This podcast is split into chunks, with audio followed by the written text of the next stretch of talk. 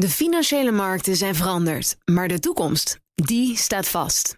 We zijn in transitie naar een klimaatneutrale economie. Dit biedt een van de grootste investeringskansen van onze generatie. Een kans voor u om mee te groeien met de klimaatoplossingen van morgen. Meer weten? Ga naar carbonequity.com. Carbon Equity. Do good by investing better. Met een totale beurswaarde van 18,5 miljard dollar moet taxibedrijf Lyft de grootste techbeursgang sinds Snap in 2017 worden. En er is nog een overeenkomst. Ook bij Lyft krijgen de kerstverse aandeelhouders minder te vertellen dan de aandeelhouders van het eerste uur. Dat en meer bespreken we in het beleggerspanel met daarin een debutant, Simon van Veen, fondsmanager van het Sustainable Dividend Value Fund. Welkom. Dankjewel. Wat doet dat fonds eigenlijk anders dan alle andere fondsen? Nou, dit fonds belegt in Europese dividendaandelen. Ehm, voorkeur voor duurzame bedrijven. Dus wel duurzaam op het gebied van voorspelbare kaststromen... als een duurzaam in de zin van goed voor de omgeving. En een voorkeur, dat klinkt nog redelijk vrijblijvend. Dus mocht het even niet voorradig zijn... dan worden jullie een tandje minder duurzaam. Zo duurzaam mogelijk, absoluut. Aha. Karel is hier, beleggingsspecialist bij Beleggersbelangen. En Marco Groot, voormalig hoofdaandelen Rabobank International. En tegenwoordig partner bij Consultant 8 deze week. Mijn zakenpartner is Elske Doets. Laten we beginnen met de traditionele vraag waarmee we dit panel iedere keer openen. Namelijk, wat was jullie laatste transactie en waarom? Marco. Ik mag antwoord geven hè, tegenwoordig. Sinds kort, ja. Um, Je belegt weer. ja, ik heb na de cijfers ABN wat aandelen ABN AMRO gekocht. Want die cijfers die boezemden Die vielen enorm tegen. Ehm, en juist daarom eh, vind ik het interessant. Dan, ehm, ja, dan kan het best wel eens zijn dat we, dat we de grootste deuk gehad hebben. Dividendrendement is prettig. En ik denk dat op de lange termijn ABN wel eens uitgenomen kan, komen, eh, kan worden. Karel, ik ken jou als iemand die hier dan toch weer kanttekeningen bij plaatst. Of snap jij hier wat Marco gedaan heeft? Ik snap wat hij gedaan heeft, want de Europese banken noteren op de waarderingen die de laagste zijn van de afgelopen 20 jaar. Dus ik snap dat je mooie aandelen koopt als ABN AMRO en ING. Over ING en over Europese banken komen wij in dit panel nog te spreken. Karel, wat was jouw laatste transactie? Nou ja, de afgelopen half jaar speel ik, bespeel ik elke keer het thema van een vertragende wereldeconomie. Nou ja, we hebben vorige week weer cijfers gehad dat in de afgelopen twee maanden de volume van de wereldhandel het snelst gedaald is sinds 2008. De regio die er Een belangrijk jaar om er zo af en toe even in te gooien. Hè? Sinds ja, 2000. klopt. Weet je, ja, zo, inderdaad, want toen hadden we de laatste wereldwijde economische recessie. De cijfers die echt tegenvallen zijn Europa. Dus bijvoorbeeld de Duitse industrie krimpt ruim 3% En dat is ook de meeste sinds 2008. En dan ga ik op zoek naar rare afwijkingen. En de meest rare afwijking heb ik gevonden in Italië. De 10-jaarsrente noteert daar eh 2,5 wat echt laag is in een tijdperk als dit. Italië is in een recessie beland. Ja. En op het moment dat de wereld in een recessie komt, dan heeft Italië echt een probleem. En die rente moet gewoon omhoog. En er zijn trekkers, ETF's op de beurs waarmee je kan inspelen op een stijgende Italiaanse rente. En ik speel in op een stijgende Italia- Italiaanse rente sinds vorige week. Dus dat is mijn laatste transactie. Klinkt alsof er geen spel tussen te krijgen is. Ben ik het ook met jou eens? hè? Ach, zie je wel, eensgezindheid. Nou, eh, dan moet jij maar, Simon, als Simon. debutant gaan zorgen voor wat eh, schuring in dit panel. Ja, nou, ik heb gekozen voor een eh, Europese small cap. Ik heb ehm, eh, Treat aangekocht. Dat is een bedrijf wat zich eh, specialiseert in eh, geur- en smaakstoffen... voor de voedingsmiddelen- en drankindustrie en personal care industrie. Ja, het is een, een, een mooi klein bedrijf wat eh, een stuk goedkoper is dan de grotere, bekendere concurrenten eh, als het eh, Zwitserse Givaudan en het Duitse Simrise. Ehm, en het mooie is, het gaat de omzet en de winst de komende jaren sterk groeien, want ze hebben hun productiecapaciteit enorm uitgebreid afgelopen jaar. En dat, dat zit nog niet in de koers. En, precies, want dat was waarom jij nu dacht... hier stap ik op dit moment in, vanwege Ja. die uitgebreide productiecapaciteit. Absoluut. En het thema van natuurlijke ingrediënten, wat, wat bij steeds groter deel van het publiek een rol speelt. En is het ook een eh, dividend aristocrat? Het bedrijf heeft de afgelopen vijf jaar ieder jaar dividend verhoogd. Dus in die zin zijn ze hard op weg om zo'n aristocrat te worden. En de payout ratio, weet je die toevallig? Eh, Karel knalt er meteen weer in. Ja, ja, ja. nou de payout ratio is niet, is niet zo heel hoog. Dus dat betekent dat ook in een tegenvallend eh, eh, jaar de ja, dividenden gewoon verhoogd kunnen blijven worden en betaalbaar zijn. En dat wat is niet belangrijk. heel hoog? Eh 25, 30 procent ongeveer. Goed, nou, je hebt eh, zelfs eh, Karel doorstaan. Wij gaan naar het eh, volgende onderwerp. Namelijk, dat is het taxibedrijf App. Ja, wat is het? Een bedrijf, een app Lyft.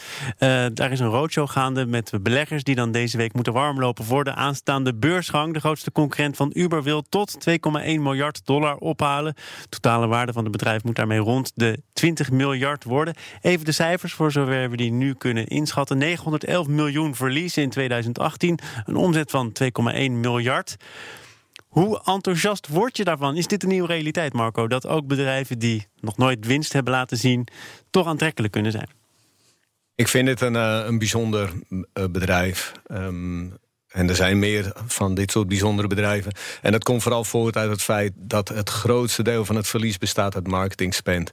Als je de statistieken van de laatste drie jaar erbij pakt, dan, dan is het ongelooflijk hoeveel geld er aan marketing uitgegeven wordt. En, Ongezond veel geld. Ja, ik, ik, ik snap niet helemaal waarom dat moet gebeuren. Ik heb gisteren wat extra proberen in te lezen toen jullie deze vraag stelden. En ik, ik vind het vrij complex. Ik snap de marktaandelen, ik snap de marktgroei.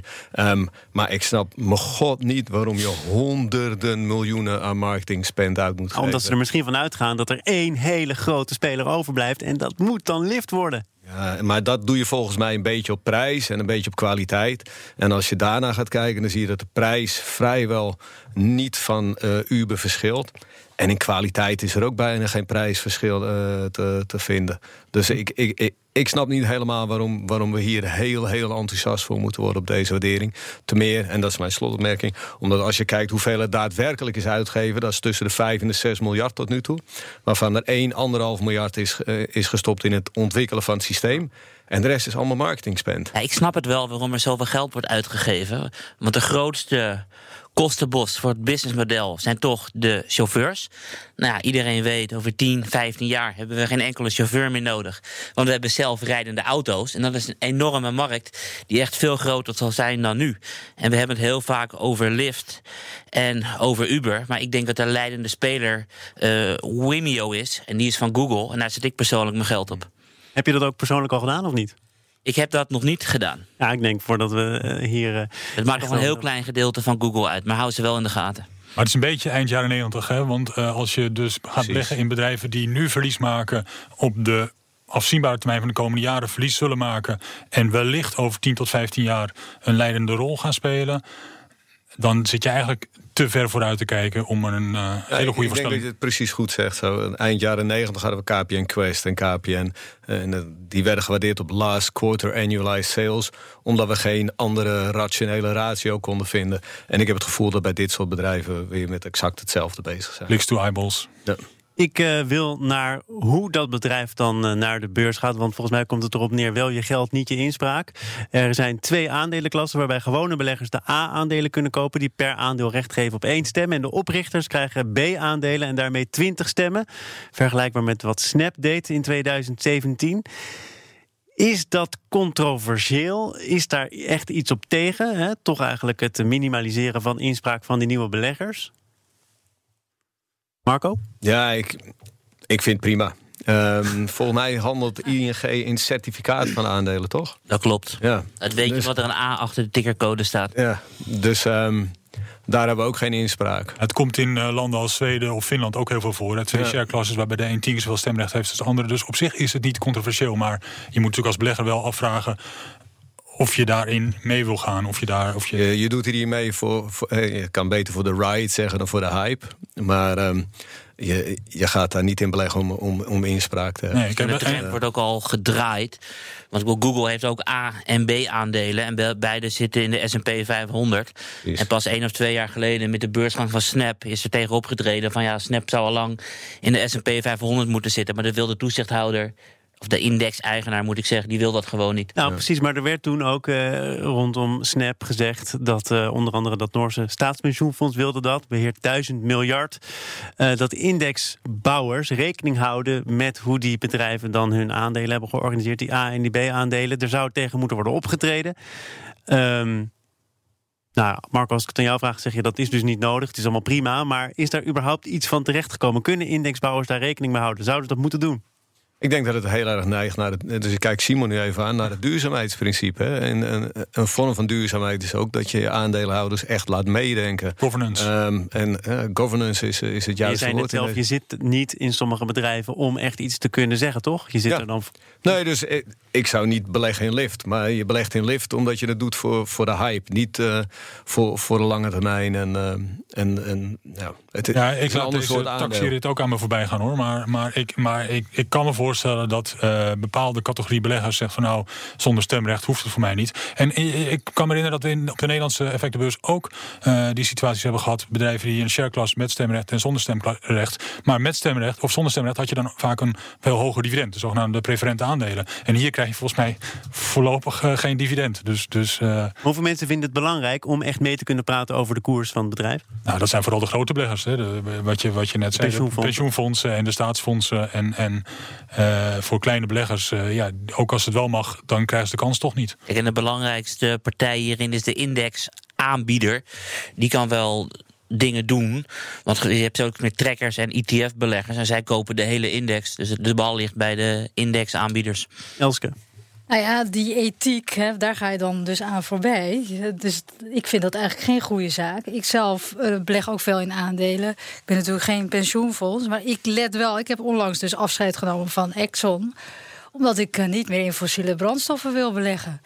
Ja, ik kan mijn stem niet laten horen, maar ik denk daar dus wel over na. Dus ik ja, jij zit op een bepaalde en ik denk dat steeds ik denk meer dat het heel goed ik, is. Ik denk dat steeds meer beleggers dat gaan Ja. doen. En Absoluut. dit biedt natuurlijk ook beleggingskansen. Want in 2000 was iedereen klaar met de sigarettenindustrie. En iedereen wist dat het slecht was. Maar de best presterende sector sinds de eeuwwisseling is wel de tabaksindustrie. Omdat al dat geld naar de aandeelhouder gaat. Dus op het moment dat iedereen weggaat van die duurzame, komen daar juist de kansen. En we gaan praten over de politieke steun die er is voor de fusie tussen de bankgrootmachten Deutsche Bank en de Commerzbank. Maar er is ook nog wel wat sceptisch in de financiële sector. Ook van de Europese Centrale Bank hebben we onlangs kunnen vernemen. Die niet staan te springen bij het creëren van nationale kampioenen. Maar ja, een fusie kan uh, kosten besparen, kan misschien het rendement van die banken wat verhogen. Karel, sta jij aan de kant van de sceptici of zie jij dit wel zitten? Sceptici, zonder twijfel. Aan de ene kant heb je Commerzbank. Die is onlangs uit de Duitse hoofdindex gegooid. Omdat het een, uh, aan het krimpen is. Dus niet meer bij de DAX-index. Aan de andere kant heb je Duitse Bank. Die noteert op een aandelenkoers. Waarvoor je Duitse Bank ook in de jaren 80 had kunnen kopen. En ze hebben de grootste derivatenpositie, derivatenpositie in de wereld, die groter is dan de wereldomvang. Waarvan ze zeggen uh, dat alles netjes gehatcht is. En het is één grote black box. Dus ik zou mijn geld er niet op zetten. Simon. Nou, ik zet er ook geen geld op. Uh, sowieso uh, is de bankensector uh, wat dat betreft erg moeilijk. Maar deze fusie is niet uit sterkte, maar uit zwakte. Het zijn twee zwakke partijen die waarschijnlijk nog wel de komende jaren veel zullen moeten investeren in dingen als compliance en risicomanagement. Um, en, en dan kan je dat beter één keer doen op een gezamenlijk hoofdkantoor dan twee keer. Ja, dus dat zou dan toch betekenen dat er een fusie komt. We hebben het hier net ook over gehad met Koen Bender van Mercurius Vermogensbeheer. En die zei, op een trouwfoto zouden eigenlijk alleen maar lachende gezichten moeten staan. Deze twee partijen zijn sowieso bij elkaar gebracht, gekoppeld door de overheid. Uh, Marco, echte liefde is het dus niet. Het is een moedje. Het is een moedje, precies. Een moedje. Het En met, maar betekent banken. dat dan eigenlijk per definitie dat die fusie, het samengaan van die banken, uh, niet tot een goed einde kan leiden? Nou ja, um, Commerzbank is al zes, zeven jaar aan het worstelen om Dresden te integreren. Uh, Deutsche Bank is nog steeds niet klaar met de integratie van Postbank. En dat is ook al tien jaar aan het, uh, aan het rammelen. Um, ik denk dat dit gewoon moet gebeuren. Als je naar de kosten-inkomen-ratio's van deze bedrijven kijkt, dan schrik je echt wezenloos. Want dat wil zeggen, hoeveel moet je besteden om 1 euro Juist. winst te uh, ligt maken? bij deze banken boven de 90 procent. Ja, 94 cent is het. En bij, ne bij Nederlandse banken rond de 55. Rabo zit iets hoger dan ING en ABN. En het is wat Karel zegt, die derivatenposities, dat zijn echt... Uh, dat zijn hele, hele, hele grote zwarte dozen. Dus we weten gewoon niet waar ze staan. En het heet uh, mij, off-balance sheet, dus het hoeft niet eens in het jaarverslag gepubliceerd te worden. Volgens mij is Deutsche in Amerika gezakt voor de stresstest. In Europa Klopt. zijn ze redelijk geslaagd, maar in Europa mag je het grootste deel van de stresstest winst zelf gemaakt, uitvoeren. Hè? Deutsche heeft sinds lange uh, tijd ook weer winst gemaakt. Maar volgens mij hebben zij een asset die heet DWS, Deutsche, uh, de asset management tak. En die draait volgens mij 600 miljoen winst. Daar hebben zij nog 80% van. Als je die eruit haalt, dan blijft er heel weinig over. Ja. Dus ik, de, ik denk dat het een, uh, een moedje is. En ik denk dat zodra de fusie aangekondigd wordt... er ook nog een aandelenmissie overheen komt om het kapitaal te versterken. Simon, jij zei net in een bijzin, ja, banken dat is sowieso ingewikkeld. Waarom is dat zo? Nou, dat is ingewikkeld omdat uh, ze te maken hebben met een veranderende omgeving. Uh, het uh, aantal regels waar ze zich aan moeten houden is enorm toegenomen. Ehm, tegelijkertijd is de, zijn de kapitaalseisen van de ECB enorm een stuk hoger geworden dan, dan, tien jaar geleden. En dat betekent dat het voor aandeelhouders een stuk moeilijker is om, om een goed rendement te halen dan dat het was hiervoor. En als het, de kans op een goed rendement lager is, dan is het minder interessante belegging. In het jaarverslag stond ook van dat er gewoon 3 miljard door ING wordt uitgegeven aan compliance. Ja, meer dan 10% van het personeel is werkzaam in dat soort ondersteunende afdelingen. Maar die banken die gaan nu uh, in Duitsland wellicht samen. De vakbonden vrezen voor een ontzettend groot banenverlies. 30.000 banen die op de tocht zouden staan. Dat betekent dan toch dat als die fusie er komt... en die banken die weten te integreren... die gaan het met minder mensen doen. Die gaan op die manier wat klaargestoomd raken voor de toekomst. Dat er juist ook veel winst te behalen valt, of niet? Nee, op het moment dat die claim-emissie komt, wat we net hoorden... dus gewoon extra uitgifte van aandelen... dat kan misschien wel het dieptepunt zijn. En dat is misschien dan wel koopwaardig. Ja. ja. Maar de helft van de uh, commissarissen van die Duitse banken worden, worden benoemd door de vakbonden en komen voort uit het personeel. Wat het voor ze heel moeilijk gaat maken om echt grote aantallen personeelsleden te ontslaan. Dus snel kosten besparen is in Duitsland heel moeilijk. Nu is er nog één grote factor die ook zijn rol gaat spelen. Dat is de Europese Centrale Bank. En we hoorden eerder in deze uitzending, die staan niet te springen op het creëren van grote nationale kampioenen. Die gaan misschien wel kijken naar de machtige positie die die bank dan eventueel zou kunnen gaan innemen. Er ontstaat namelijk de één na grootste bank van Europa. Snap jij de terughoudendheid van de Europese Centrale Bank, Marco? Ik snap de sceptisch, maar ik denk dat je een vloedgolf niet tegen kan houden. Um, de grootste bank in, in Engeland is HSBC. Eh, die is groter dan deze fusie. Uh, de grootste bank in Frankrijk is BNP Paribas. Die is groter dan deze fusie. Dus een bank van het formaat uh, in de combinatie Deutsche Commerzbank misstaat helemaal niet in een grote economie als, uh, als die van Duitsland. Het is jammer dat het een defensieve fusie is. Maar ik denk wel dat het een hele, hele noodzakelijke fusie is. En de ECB heeft ook twee weken geleden begonnen met nieuwe stimuleringsprogramma's voor Europese banken. Wat in september van dit jaar van start gaat. En dan kunnen ze tegen rentes die lager liggen dan de marktrentes en andere aantrekkelijke voorwaarden geld lenen bij de ECB. Dat versterkt weer het kapitaal. En daardoor zullen we sowieso geen liquiditeitsprobleem krijgen. Wat voor een bank um, een van de grootste gevaren is als het misgaat. Ja. Gaan we dus wel een consolidatieslag zien? Want die Duitse politici die hebben ook gezegd... om de Duitse economie een rol op het wereldtoneel te kunnen laten spelen... is het nodig dat er één grote bank komt. Ik denk dat er um, voor ons als Nederlanders... Uh, iets uh, duidelijker moet worden. Dat wij in Nederland heel erg, uh, tussen aanhalingstekens, verwend zijn of een hele makkelijke markt hebben. Omdat we drie hele grote banken hebben en een paar kleintjes. Maar in Duitsland, in Italië heb je een hele rits van minibankjes waarvan de ene nog slechter gefinancierd is dan de andere. Maar dit is op eigen kracht um, ook niet een minibank, Deutsche Bank of Commerzbank? Nee, nee, zeker niet. Maar daaromheen zijn heel veel kleine bankjes.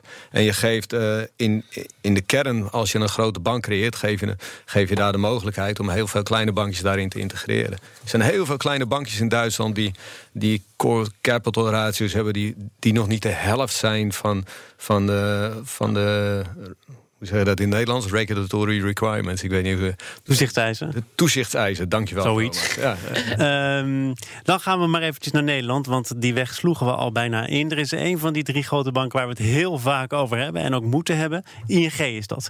Karel, ik heb van jou begrepen, jij vindt de waardering op dit moment wel heel erg laag worden. Kijk je dan naar de winst die toch nog altijd meer dan behoorlijk is? Onder andere, ik bedoel, ING presteert de afgelopen vijf jaar uh, aandelenkoers een van de beste van Europese banken. Want de grootste 30 banken van Europa. Je hebt ook iets over die Europese banken, denk ik. Ja, klopt. Die zijn 20% uh, eh, gedaald in de afgelopen vijf jaar.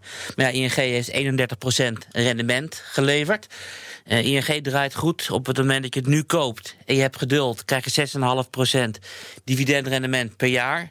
Wat ook wel eens een stuk lager geweest is. De koers-winstverhouding met winsten. De huidige staat 8,5. Koerswinsthouding is ook vaak nog ruim boven de 10 geweest. Dus het ziet er gewoon netjes uit. Af en toe zijn er wat Maar dan, dan hou je heel veel dingen buiten beschouwing. Namelijk al de dingen die er niet zo netjes uitzien. Eh, Mexico is genoemd, Italië is genoemd. Eh, die bank die hobbelt wel van schandaal naar schandaal. En we moeten toch nog eens goed kijken. De toezichthouders die die bank op de vingers stikken. Daar moet je als belegger dus eigenlijk allemaal immuun voor Klopt, maar zijn. in de bankenwereld zijn echt hele slechte dingen gebeurd. Je noemde net HSBC. Dat is de bank die onder andere rekeningen had van Hezbollah.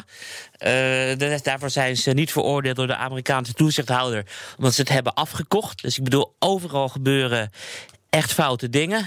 En geen enkele toezichthouder heeft het lef om zijn nationale kampioen eh, door het putje te trekken op het moment dat het misgaat. Moet je Ja, het zo misschien is dit een goede reden om gewoon niet in banken te beleggen. Doe ik dus niet. Ik beleg niet in banken. Nou, ik ook niet. Ik Nee. wil elkaar een hand geven. Nee, ik, ik vind het heel moeilijk om eh, A te voorspellen hoe de winstgevendheid van banken er over een paar jaar uit zal zien. En, en, en, en B, het aantal ja, lijken uit de kast. Je noemt er net twee ehm, bij, bij ING, maar, maar eh, er zouden er wel veel meer kunnen volgen. Eh, dat is gewoon, eh, dat zorgt voor, voor te veel risico. En als portfolio manager roept iedereen natuurlijk, eh, ik wil de beste aandelen selecteren voor mijn portefeuille. Maar eigenlijk is het net zo belangrijk om te- ervoor te zorgen dat je geen torpedo's in je portefeuille hebt. En banken zijn ja, potentiële torpedo's. Ik, ik wil tot slot, want daar gaan we naartoe. En ik moet streng zijn naar iemand met een bankenachtergrond. Lijkt me wel redelijk nu.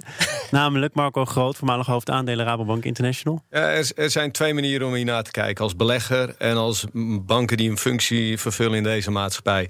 En als je nu bijvoorbeeld ziet wat er in Italië naar buiten komt eh, over ING. Dan wordt, die krijgen een bak ellende over zich heen waar je u tegen zegt. En het klinkt dan eh, in de volksmond alsof ze wit wassen. Dat is niet zo. Ze hebben hun client due diligence niet goed op orde waarschijnlijk. Waardoor zij niet goed hebben gezien wat hun klanten doen. Het is heel moeilijk om te zien wat, eh, wat heel veel klanten En doen. ze gaan de komende jaren heel veel investeren om dat op orde te krijgen. Precies. Dus daar moet heel veel geld in geïnvesteerd worden. We laten het hierbij. Karel Merks, Simon van Veen en Marco Groot waren hier als trio dat het beleggerspanel vormde. Mijn zakenpartner was Elske Doets van Doets Reizen. De financiële markten zijn veranderd, maar de toekomst, die staat vast. We zijn in transitie naar een klimaatneutrale economie. Dit biedt een van de grootste investeringskansen van onze generatie. Een kans voor u om mee te groeien met de klimaatoplossingen van morgen. Meer weten? Ga naar carbonequity.com. Carbon Equity. Do good by investing better.